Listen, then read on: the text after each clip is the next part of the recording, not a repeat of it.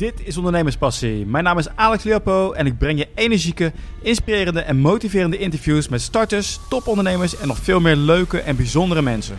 En wil je ook weten wat onze verborgen drijfveren zijn, waarom we doen wat we doen? Luister dan naar de nieuwste podcast Invloed. Hier leer je alles over beïnvloeden en overtuigen. Vandaag praat ik met Vincent van der Noord, medeoprichter van Jungo.nl, crowdfunding voor hypotheken. Vincent, welkom in de uitzending. Dankjewel. Crowdfunding voor hypotheken, wat, wat, het is voor mij helemaal nieuw. Kan je me wat meer over vertellen? Dat, uh, daar kan ik je zeker wat meer over vertellen. Um, nou, het is in de, in de hypothekenmarkt, uh, er is jaren natuurlijk relatief weinig gebeurd. En wij vonden dat het tijd werd voor een echt vernieuwende hypotheekverstrekker. En wat we, wat we eigenlijk willen doen is, nou, je zegt wel crowdfunding. En, we noemen het zelf een people-to-people hypotheek. Het idee is, je verbindt gewoon mensen direct met elkaar. Ja. En dat, je, je, ziet het nu op heel veel vlakken. Je ziet het in MKB-financieringen. Uh, je ziet het uh, dingen als voor de kunst, waar mensen sympathieke projecten helpen. En hypotheken zag je het eigenlijk nog niet. Terwijl dat een hele logische stap is. hoe ben, je, ben jij zelf op, op, het idee gekomen? Zit je zelf in de hypotheekmarkt? deels. Ik heb, ik heb er wat achtergrond in. Ik heb ooit een, ja. een hypotheekadviespakket gemaakt, Findesk. Dat, dat onder hypotheekadviseurs wellicht bekend is. Nou ja, best advies software 2016, zie ik staan op de website. precies, precies. En ik heb er ook wel eens mee gewerkt. Het is een erg mooi pakket. Dat is een van de, was ook een start-up in die tijd, hè, waar je aan hebt gewerkt. Klopt, klopt. Het was in de tijd, was, het idee was, uh, we moeten het zo simpel mogelijk maken voor klanten. Heel begrijpelijk, heel eenvoudig. Met echte focus op, op usability en user experience. En ik denk dat we daar toen heel onderscheidend in waren. En in die tijd was het ook zo dat er heel veel financierders uh, of geldverstrekkers zijn op de vingers getikt omdat ze verkeerde adviezen gaven aan klanten, waardoor die uh, uh, ja, financieel werden benadeeld. Dus er kwam nieuwe regelgeving, dat er veel meer advies, of duidelijk advies moest komen. En Findesk was daar een, ja, is daar een hele mooie oplossing voor. Ja, zeker. En het was ook de tijd dat het provisieverbod er kwam. Ja. Dus adviseurs mochten niet meer betaald worden door geldverstrekkers. wat op, op zich een hele goede ontwikkeling is. Het maakt het veel transparanter en veel, veel duidelijker voor de klant waar die voor betaalt. Maar dat, uh, dat betekent ook dat uh, adviseurs moesten verklaren waar hun tijd aan besteed werd. En dat is ook heel belangrijk werd om eff efficiënter te gaan werken. En dat, ik denk dat we dat met Findesk ook heel mooi konden, konden ondersteunen. Toen zag jij gat in de markt in de hypotheekbranche. ja, ja, het is wat ik zei, het is, dit is een, een, markt waarin, waarin je zou verwachten dat ook crowdfunding een rol zou gaan spelen. Dat gebeurde nog niet. En we, hebben toen, uh, we werken samen met een technologiepartner, Topicus, ook betrokken bij Findesk. En die, die heeft een, eigenlijk een hele achterkant voor hypotheken. Dus wel de, de, de hypotheekstraat, zeg maar, om dat te administreren, al dat soort zaken. Ja. En wat wij hebben gedaan is dat genomen en daarbovenop een, een crowdfunding platform ontwikkeld. En die combinatie is, dat is Jungo. Maar wat, wat levert dat er nou op? Hè? Krijg ik dan, ik wil een huis kopen.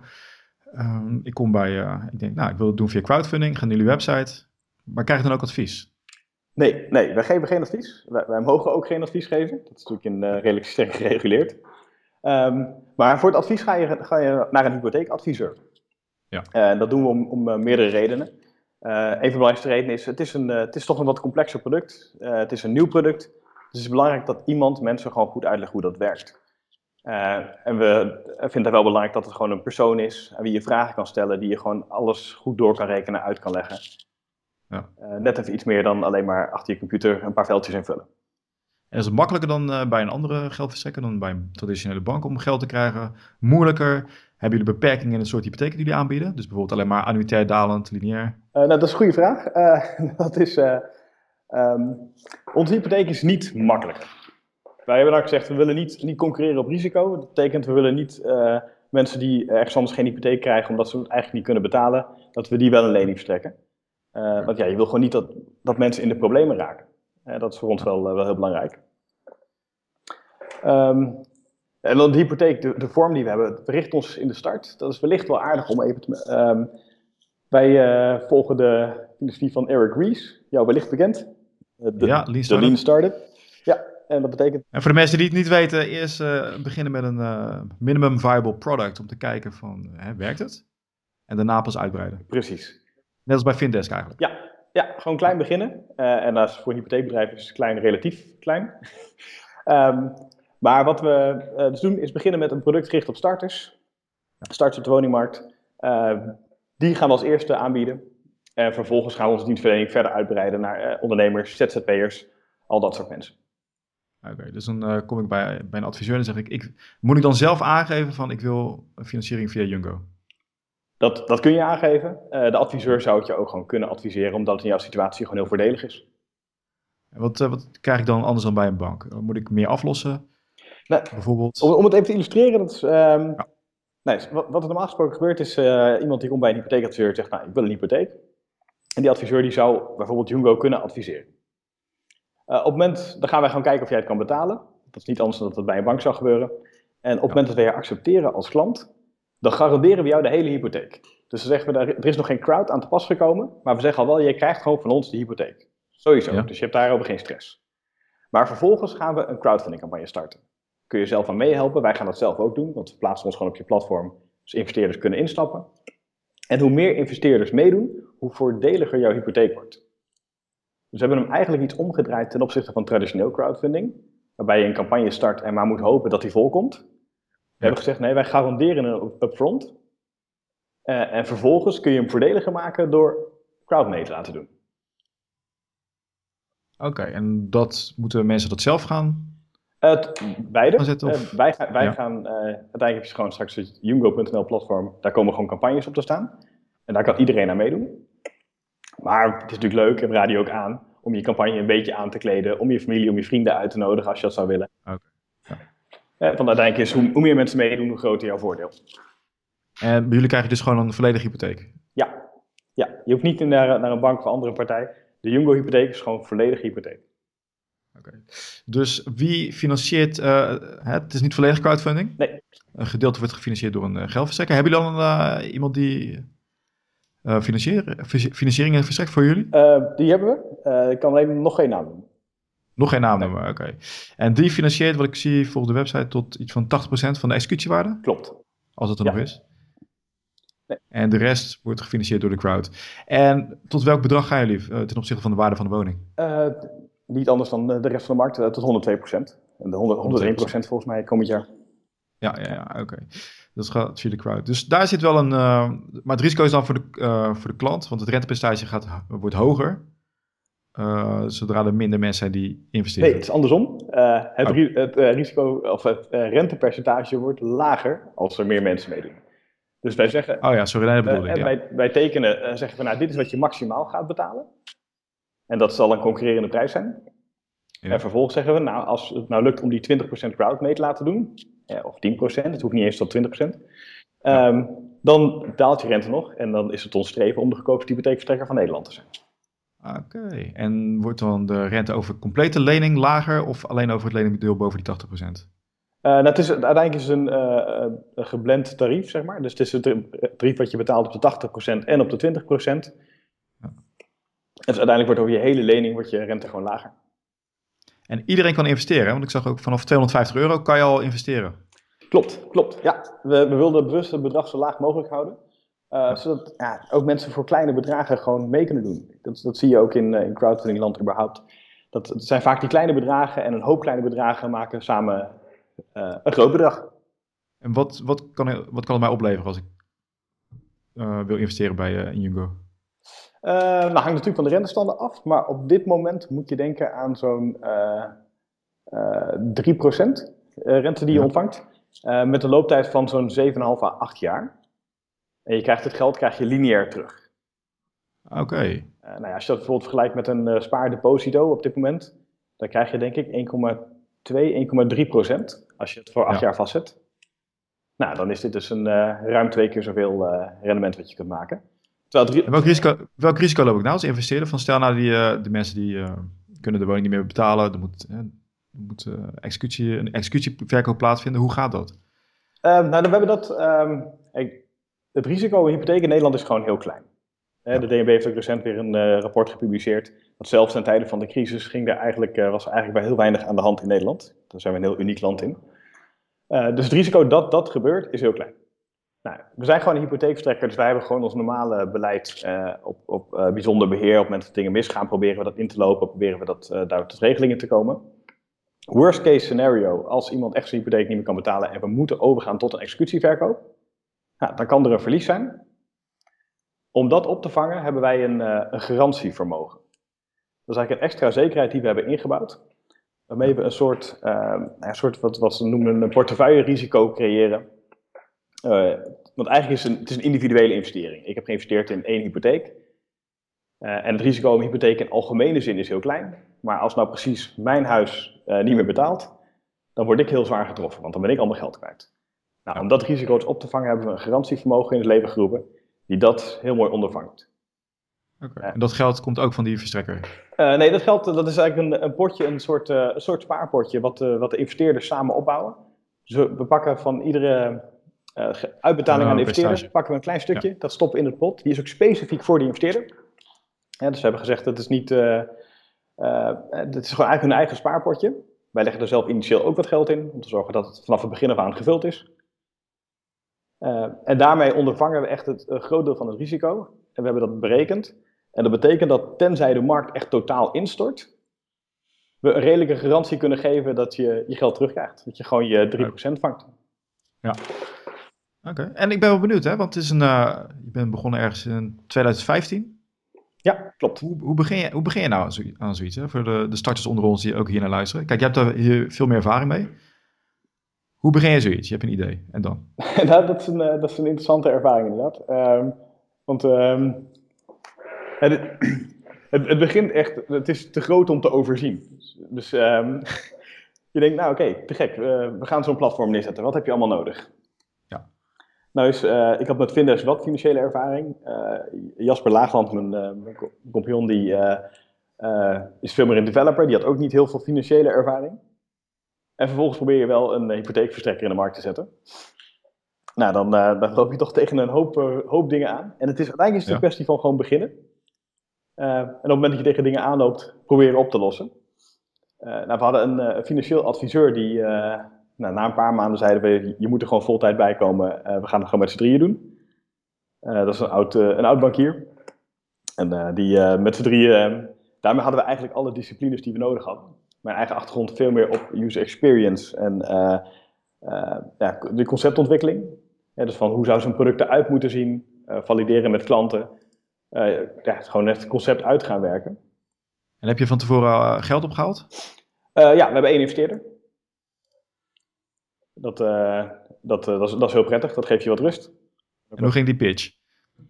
De pitch van uh, de, voor de ja, je had nog niks. Je, was helemaal begonnen, ja, je, dacht van, nou, ik heb een idee. Je hebt nog geen klanten. Er staat nog geen platform. Je kan al fulltime werken, dus je hebt die investeerder van tevoren al binnengekregen. Ja. Hoe heb je dat gedaan? Um, nou, dat, dat, is eigenlijk een, een samenloop van omstandigheden geweest. Dat is, want de investeerder is, is Topicus. Dat is ook het, het. ID-bedrijf, ons technology partner. En uh, nou, ook mijn oude werkgever van vroeger, dus je kende ze heel goed. Dat scheelt. Um, en zij hadden heel veel uh, software en uh, vonden het heel fascinerend. Ja, zou je daar nou niet meer mee kunnen? Dus uiteindelijk hebben we de, zijn we gewoon samen gaan zitten en gezegd, oké, okay, maar uh, ik heb ook wel wat ideeën wat er zou moeten gebeuren. richting die collaborative economy, wat er mogelijk is. toen hebben we eigenlijk samen die pitch ontwikkeld. Dus het is, een, het is niet dat wij neerkwamen met een verhaal van, nou, dit is exact wat we gaan doen. Ja. maar allebei hadden we wat in te brengen. En samen hebben we dus die, het eerste concept ontwikkeld. Dus het is een iets, uh, een atypische manier, zeg maar. Ja, maar wel een hele, hele prettige manier om dat, uh, om dat te doen. Oké, okay, en hoeveel, uh, hebben jullie ook afspraken gemaakt ook hoeveel tijd je hiervoor krijgt? nou, we, we, moeten met enige regelmaat verantwoording afleggen, uiteraard, ja. over, over ons burn rate en, en waar we naartoe gaan. Want, weet je, dit is, dit is wel een grappig verhaal. Toen, we, toen ik begon, had ik gezegd, nou, over uh, drie maanden zijn we live. Hoe moeilijk kan dit zijn? 2015 was dat. Dat was 2015. Ja. Um, dus het geeft enigszins aan um, ja, hoe, hoe, hoe, enorm we het onderschat hadden, hoe complex het was. Uh, want je, je hebt met, met heel veel regelgeving te maken, uh, zowel vanuit Europa als Nederland, de Autoriteit Financiële Markten. Um, maar we, het, het mooie was, uh, we zagen steeds meer dat we echt iets heel gaafs in handen hadden. Um, en dat we iedere keer een stap dichterbij kwamen om het te gaan redden. En dat maakt het ook uh, voor de investeerder makkelijker om te zeggen: oké, okay, we gaan hier nog even mee door. Nou, ik ben wel benieuwd naar. Van hoe, hoe wist je nou dat hier vraag naar was? Uh, op meerdere manieren. We hebben uiteraard uh, gewoon heel veel mensen gesproken. we hebben een stuk marktonderzoek gedaan. En eigenlijk uit al die dingen kwam terug van: nou, dit, dit moet gewoon. het is eigenlijk verrassend dat dit er nog niet is, zeg maar. We hebben ooit ook een beetje in de filosofie van Eric Ries een, een MVP-pagina gemaakt. Een landingpagina, daar wat reclame tegen aangezet om te kijken hoeveel mensen zouden converteren. Nou, en was het een pagina waarop het leek alsof het echt was? Ja. Of was het van, dit gaat komen? Nee, er was een pagina waarop leek dat het echt was. Ehm, het enige die heeft korte tijd live gestaan totdat onze uh, adviseurs uh, belden en zeiden... Um, die kunnen we beter offline halen, want van, het is niet toegestaan om uh, te doen alsof je een financieel product voert. Dat is, maar goed. Oh, over, over reacties krijg je daarop? Uh, nou, daar hebben we nog best wat, wat mensen die zich inderdaad, uh, de exacte getallen weet ik niet meer, maar voldoende om in ieder geval te zeggen, nou, dit, dit is interessant. Hè? Mensen die maken dus wel de stap om niet alleen de pagina te bekijken, maar ook daadwerkelijk zich in te schrijven. en hoe heb je die mensen naar die pagina geleid? via Twitter en Facebook advertenties. Okay. Gewoon een, een, eigenlijk een, een, doelgroep vastgesteld waarvan we dachten dat die passend zou zijn. En daar gewoon, en dat, dat kost echt maar een paar tientjes. Dat hoeft helemaal niet de wereld te kosten. Maar je kunt gewoon heel gericht een target doelgroep aanmaken in Facebook. Die leidt naar, jou, uh, uh, naar je landingspagina. En was het voor de investeerders of was het voor mensen die die hypotheek wilden? Dat was, dat was voor de investeerders. We hebben ook zo'n test gedaan voor de mensen die een huis wilden. Daar zie je ook best veel respons op komen. Ja. bijvoorbeeld op, onze huidige website kunnen mensen zich inschrijven als investeerder of als huizenkoper. Ja. Um, en uh, nou, ik kan nog geen exacte getallen, maar dat zijn er vele honderden die zich op beide al hebben ingeschreven. Kijk, dat is een mooie validatie. Ja. Ja. Oké, dus een, dat gaf ook je, de investeerder wat meer zekerheid van, nou, dit, dit wordt wat. Ja. Maar wat zijn nou dingen waar je tegenaan liep? Je hebt het over regelgeving, maar ik, ik zie het voor me, jij bent gewoon lekker aan het werk. En ik ga een site maken, ik heb een, ik heb een investeerder nodig bijvoorbeeld. Want die moet hè, tot die 80% gaan. Ja. Dat is een zaak van, kan je daar wat meer over vertellen hoe dat ging? Um, ja, wat, wat, kan ik erover vertellen? Um, heel praktisch. Je zit daar en je denkt, oké, ik ga een site bouwen. Nou, die, die, uh, die weet je, dan weet je goed hoe je dat moet doen? Ja. Nou, het is, het dus is dat, een, dat, is het probleem niet. Het is een beetje... Um, het voordeel is, we, we, we, zijn nooit helemaal een PowerPoint company geweest, zoals het zo mooi heet. Maar we hebben, want, die kennen het concept van de PowerPoint company. Het is een hele mooie sheet, maar voor de rest is er nog niks. Wij hadden natuurlijk vanaf het begin af aan hadden we uh, een bewezen technologie erachter staan. Uh, dat helpt enorm. Dat is namelijk het, het stuk wat Topicus uh, inbrengt, de, de, de hypotheekstraat. Ja. Um, en uh, daarnaast hebben we gewoon echt een heel mooi verhaal neergezet. en heel goed onderbouwd. Dat is ook voor onze financiële man stuk ongelooflijk heeft geholpen. Om gewoon echt een heel goed verhaal neer te zetten. Wat ook gewoon solide is, goed onderbouwd. Dat mensen echt het gevoel hebben, nou, die jongens die hebben er verstand van. Ja. Het, het, is, het was voor mij een relatief onbekende, uh, een relatief onbekende markt. En je kunt je voorstellen, nou, je, je, komt zelf uit de hypotheekwereld. Uh, dus het gaat om grote bedragen. Ja. En als je natuurlijk bij een partij aankomt en zegt: Goh, we hebben 200 of 300 miljoen euro nodig om, uh, om van start te gaan. Ja, dan, dan krijg je wel wat kritische vragen. nou, hoe gaat zoiets? Eh, was je op zoek naar één investeerder, één hoofdinvesteerder of bijvoorbeeld meerdere? Want dat zou kunnen. Uh, bij Ik bedoel, uh, de, voor die hypotheekverstrekking. Ja, uh, eentje. Dat... Je wil eentje hebben waar je mee samenwerkt? uiteindelijk wellicht meer, maar we hebben gezegd, ja. alleen al vanuit management attention is het gewoon niet handig om met heel veel verschillende partijen te gaan samenwerken. Want het, het kost veel ja. tijd, die onderhandelingen kosten veel tijd. we zijn met een heel klein team, dus je moet gewoon je keuzes maken waar je je energie in steekt. Nou, ik ben wel benieuwd. Hoe heb je, dat, hoe heb je het aangepakt? Je hebt een goed verhaal, ja. maar uh, wie bel je? Laat ik me zo, uh, zo klein maken. Oh ja, heel simpel. Um, heel veel mensen uh, benaderden ons. We hebben namelijk redelijk wat media-aandacht gepakt. We hebben, we hebben in vrijwel alle landelijke dagbladen gestaan, we zijn op tv geweest. Ja. nou, dat, dat, maakt in één keer dat je een serieuze partij wordt voor heel veel mensen. Het is, het is grappig hoe dat werkt, maar als mensen je over je hebben gelezen, dan denken ze in één keer dat je veel serieuzer bent. en die stap, je heb je een persbericht gemaakt? Heb je, ja, heb je ja. mediabedrijven gebeld? We, hebben, we zijn er een paar journalisten gewoon gevonden. Die, hadden ons, die hebben ons online gevonden en die vonden het interessant. Maar op enig moment, het was eigenlijk het moment dat we vergunning van de AFM kregen. Dat was het moment dat ik een persbericht heb geschreven. Zelf gedaan of later? Uh, zelf gedaan. Zelf ja. gedaan. Op, uh, op een maandagochtend uh, uitgestuurd. Was het weekend ervoor was ik op Down the Rabbit Hole, een een leuk festival. En maandagochtend weer, weer vroeg aan de slag. Om acht uur s ochtends persbericht uitgestuurd. En ik werd denk ik om kwart over acht gebeld door de Financiële Telegraaf. Om half negen door nu.nl. Om een uurtje of negen uh, RTL Z, of ik live in de uitzending wilde komen. Uh, nou ja, de Volkskrant, noem maar op. ik heb een, uh, die dag een hele drukke dag gehad. BNR nog live in de uitzending geweest. Dus het was een, een hectische dag. Copywriting is een sterk punt voor jou dus. Ja, nou ja. En een mooi idee. Ja, ja. Dit, is het idee. Ik kan inderdaad redelijk goed schrijven. En het, uh, uiteraard heb ik hey, mijn vrienden journalisten gevraagd om met mij mee te lezen. Hè, wat, wat, zie je, er zit altijd net iets wat achter, hè, waardoor, het juist, waardoor het nog beter wordt. Ja, het zijn kleine dingen. Want ja. zij kan net een aantal dingen aangeven. Ja, ik zou dit anders schrijven, want journalisten die, die prikken hier zo doorheen. Of die, die vinden dit niet interessant je moet er ook heel erg over nadenken. Want het feit dat wij een vergunning hebben is op zich niet nieuws. Dat is leuk voor ons, maar dus, eh, wat maakt het nou nieuws? Okay. En, nou, dus die, uh, die maandag... Een, een, haakje voor gevonden. En dat ja. werd veel beter opgepakt dan we hadden durven hopen. Serieuze partij in de markt. Dus je werd benaderd door financiële, uh, door, door geldverstrekkers. Ik, ik durf wel te zeggen dat er geen financiële grote partij in Nederland is geweest die we niet hebben gesproken. Kijk, nou, dat is een goede strategie. Ja, dat, dat pakt er bijzonder goed uit. En dan bellen ze je op en zeggen, hé... Hey, ja, ja, gewoon mails, uh, bellen. Vertel. Van, goh, we zouden graag je kennis komen maken. en de partijen die we graag zelf willen spreken, die ons niet hadden benaderd. ja, soms zo praktisch als gewoon op LinkedIn. Gewoon een bericht gestuurd, goh, ik ben die en die, dit is wat we doen. heb je tijd om een keer een kopje koffie te drinken? Dan ga je naar de eerste grote geldverstrekking. Ja. Hoe, heb jij, hoe heb jij je voorbereid? Uh, mijn, uh, mijn pitch stond in de puntjes uh, ingestudeerd, ge, aangescherpt, met mensen gevalideerd, zodat hij gewoon echt loopzuiver was. we hebben nog een aantal adviseurs betrokken. Een aantal mensen die het ook gewoon leuk vonden om met ons mee te denken. die zeiden van, we, we, we, willen dit gewoon doen omdat we het leuk vinden. vinden het gaaf wat jullie aan het doen zijn. Ja. dat is heel prettig, want het is normaal gesproken relatief duur als je het soort partijen inschakelt. Um, uh, om gewoon te valideren. Nou, wij hebben een bepaald idee om het, om het op een bepaalde manier te presenteren.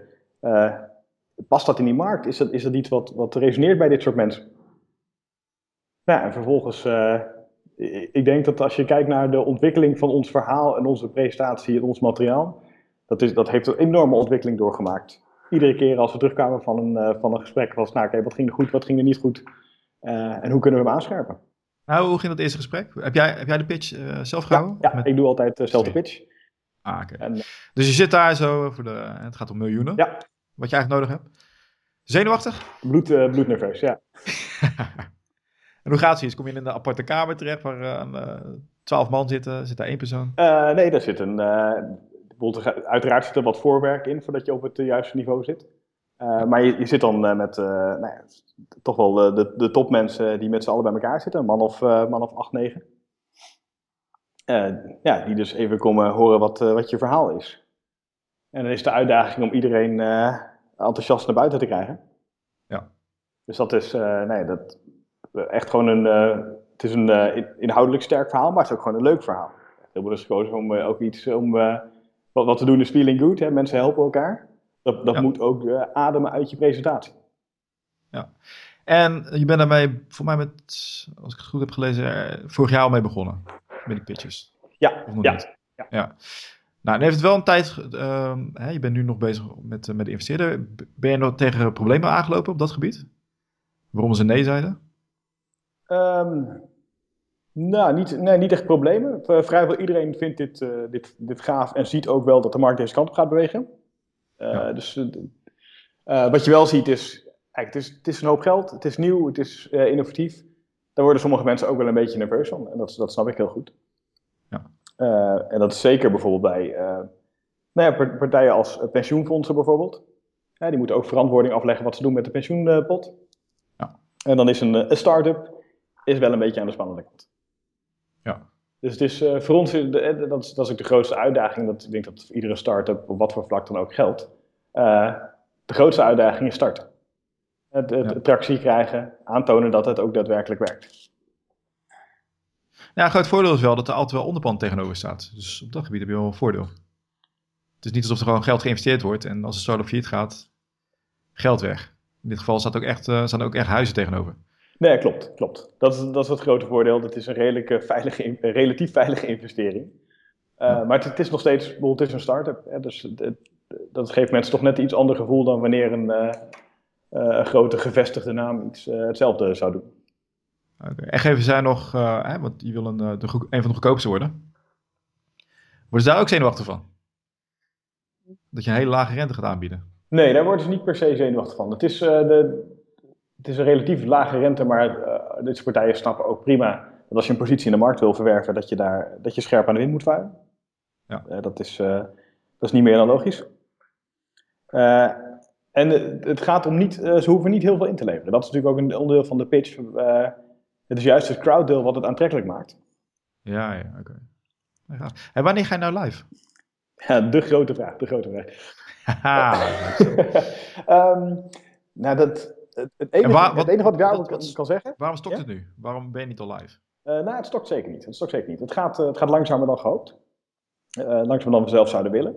Maar ik denk dat het een beetje ondernemer eigen is. Ja, je wil natuurlijk het liefst zo snel mogelijk en uh, zo hard mogelijk gaan. Um, nee, het enige wat we erover kunnen zeggen is, we gaan live zodra we klaar zijn. Wat ik wel kan zeggen is, we zijn er bijna.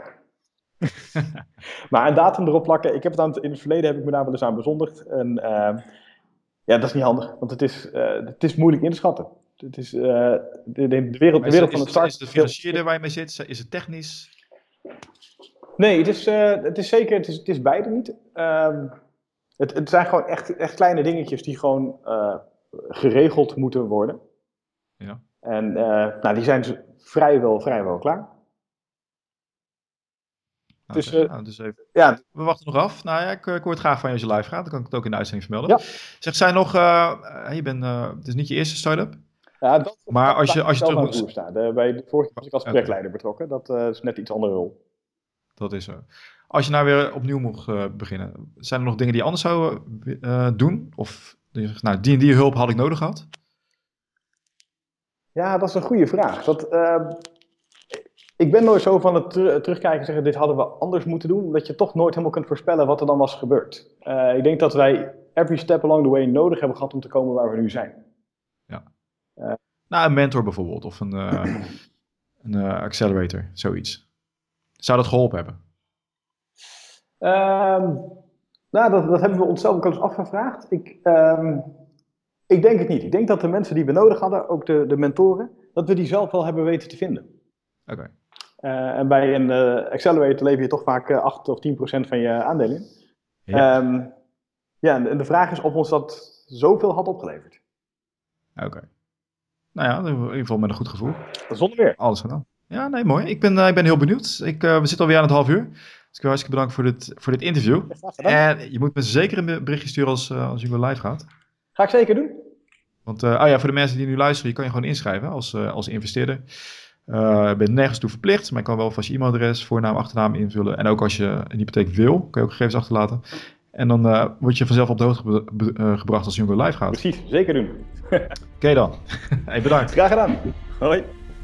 De eerste afleveringen van de podcast Invloed gaan over neuromarketing. Zoals jullie waarschijnlijk al weten, maken we zo'n 95% van onze besluiten onbewust. Deze marketeers maken gebruik van technieken zoals EEG-scans, eye-tracking, biometrics, om te kijken hoe wij die onbewuste keuzes maken. We worden eigenlijk door het verkoopproces geleid. En zal je verbazen hoe goed ze jou en mijn gedrag kunnen sturen. En voor je kunnen bepalen welke keuze je gaat maken.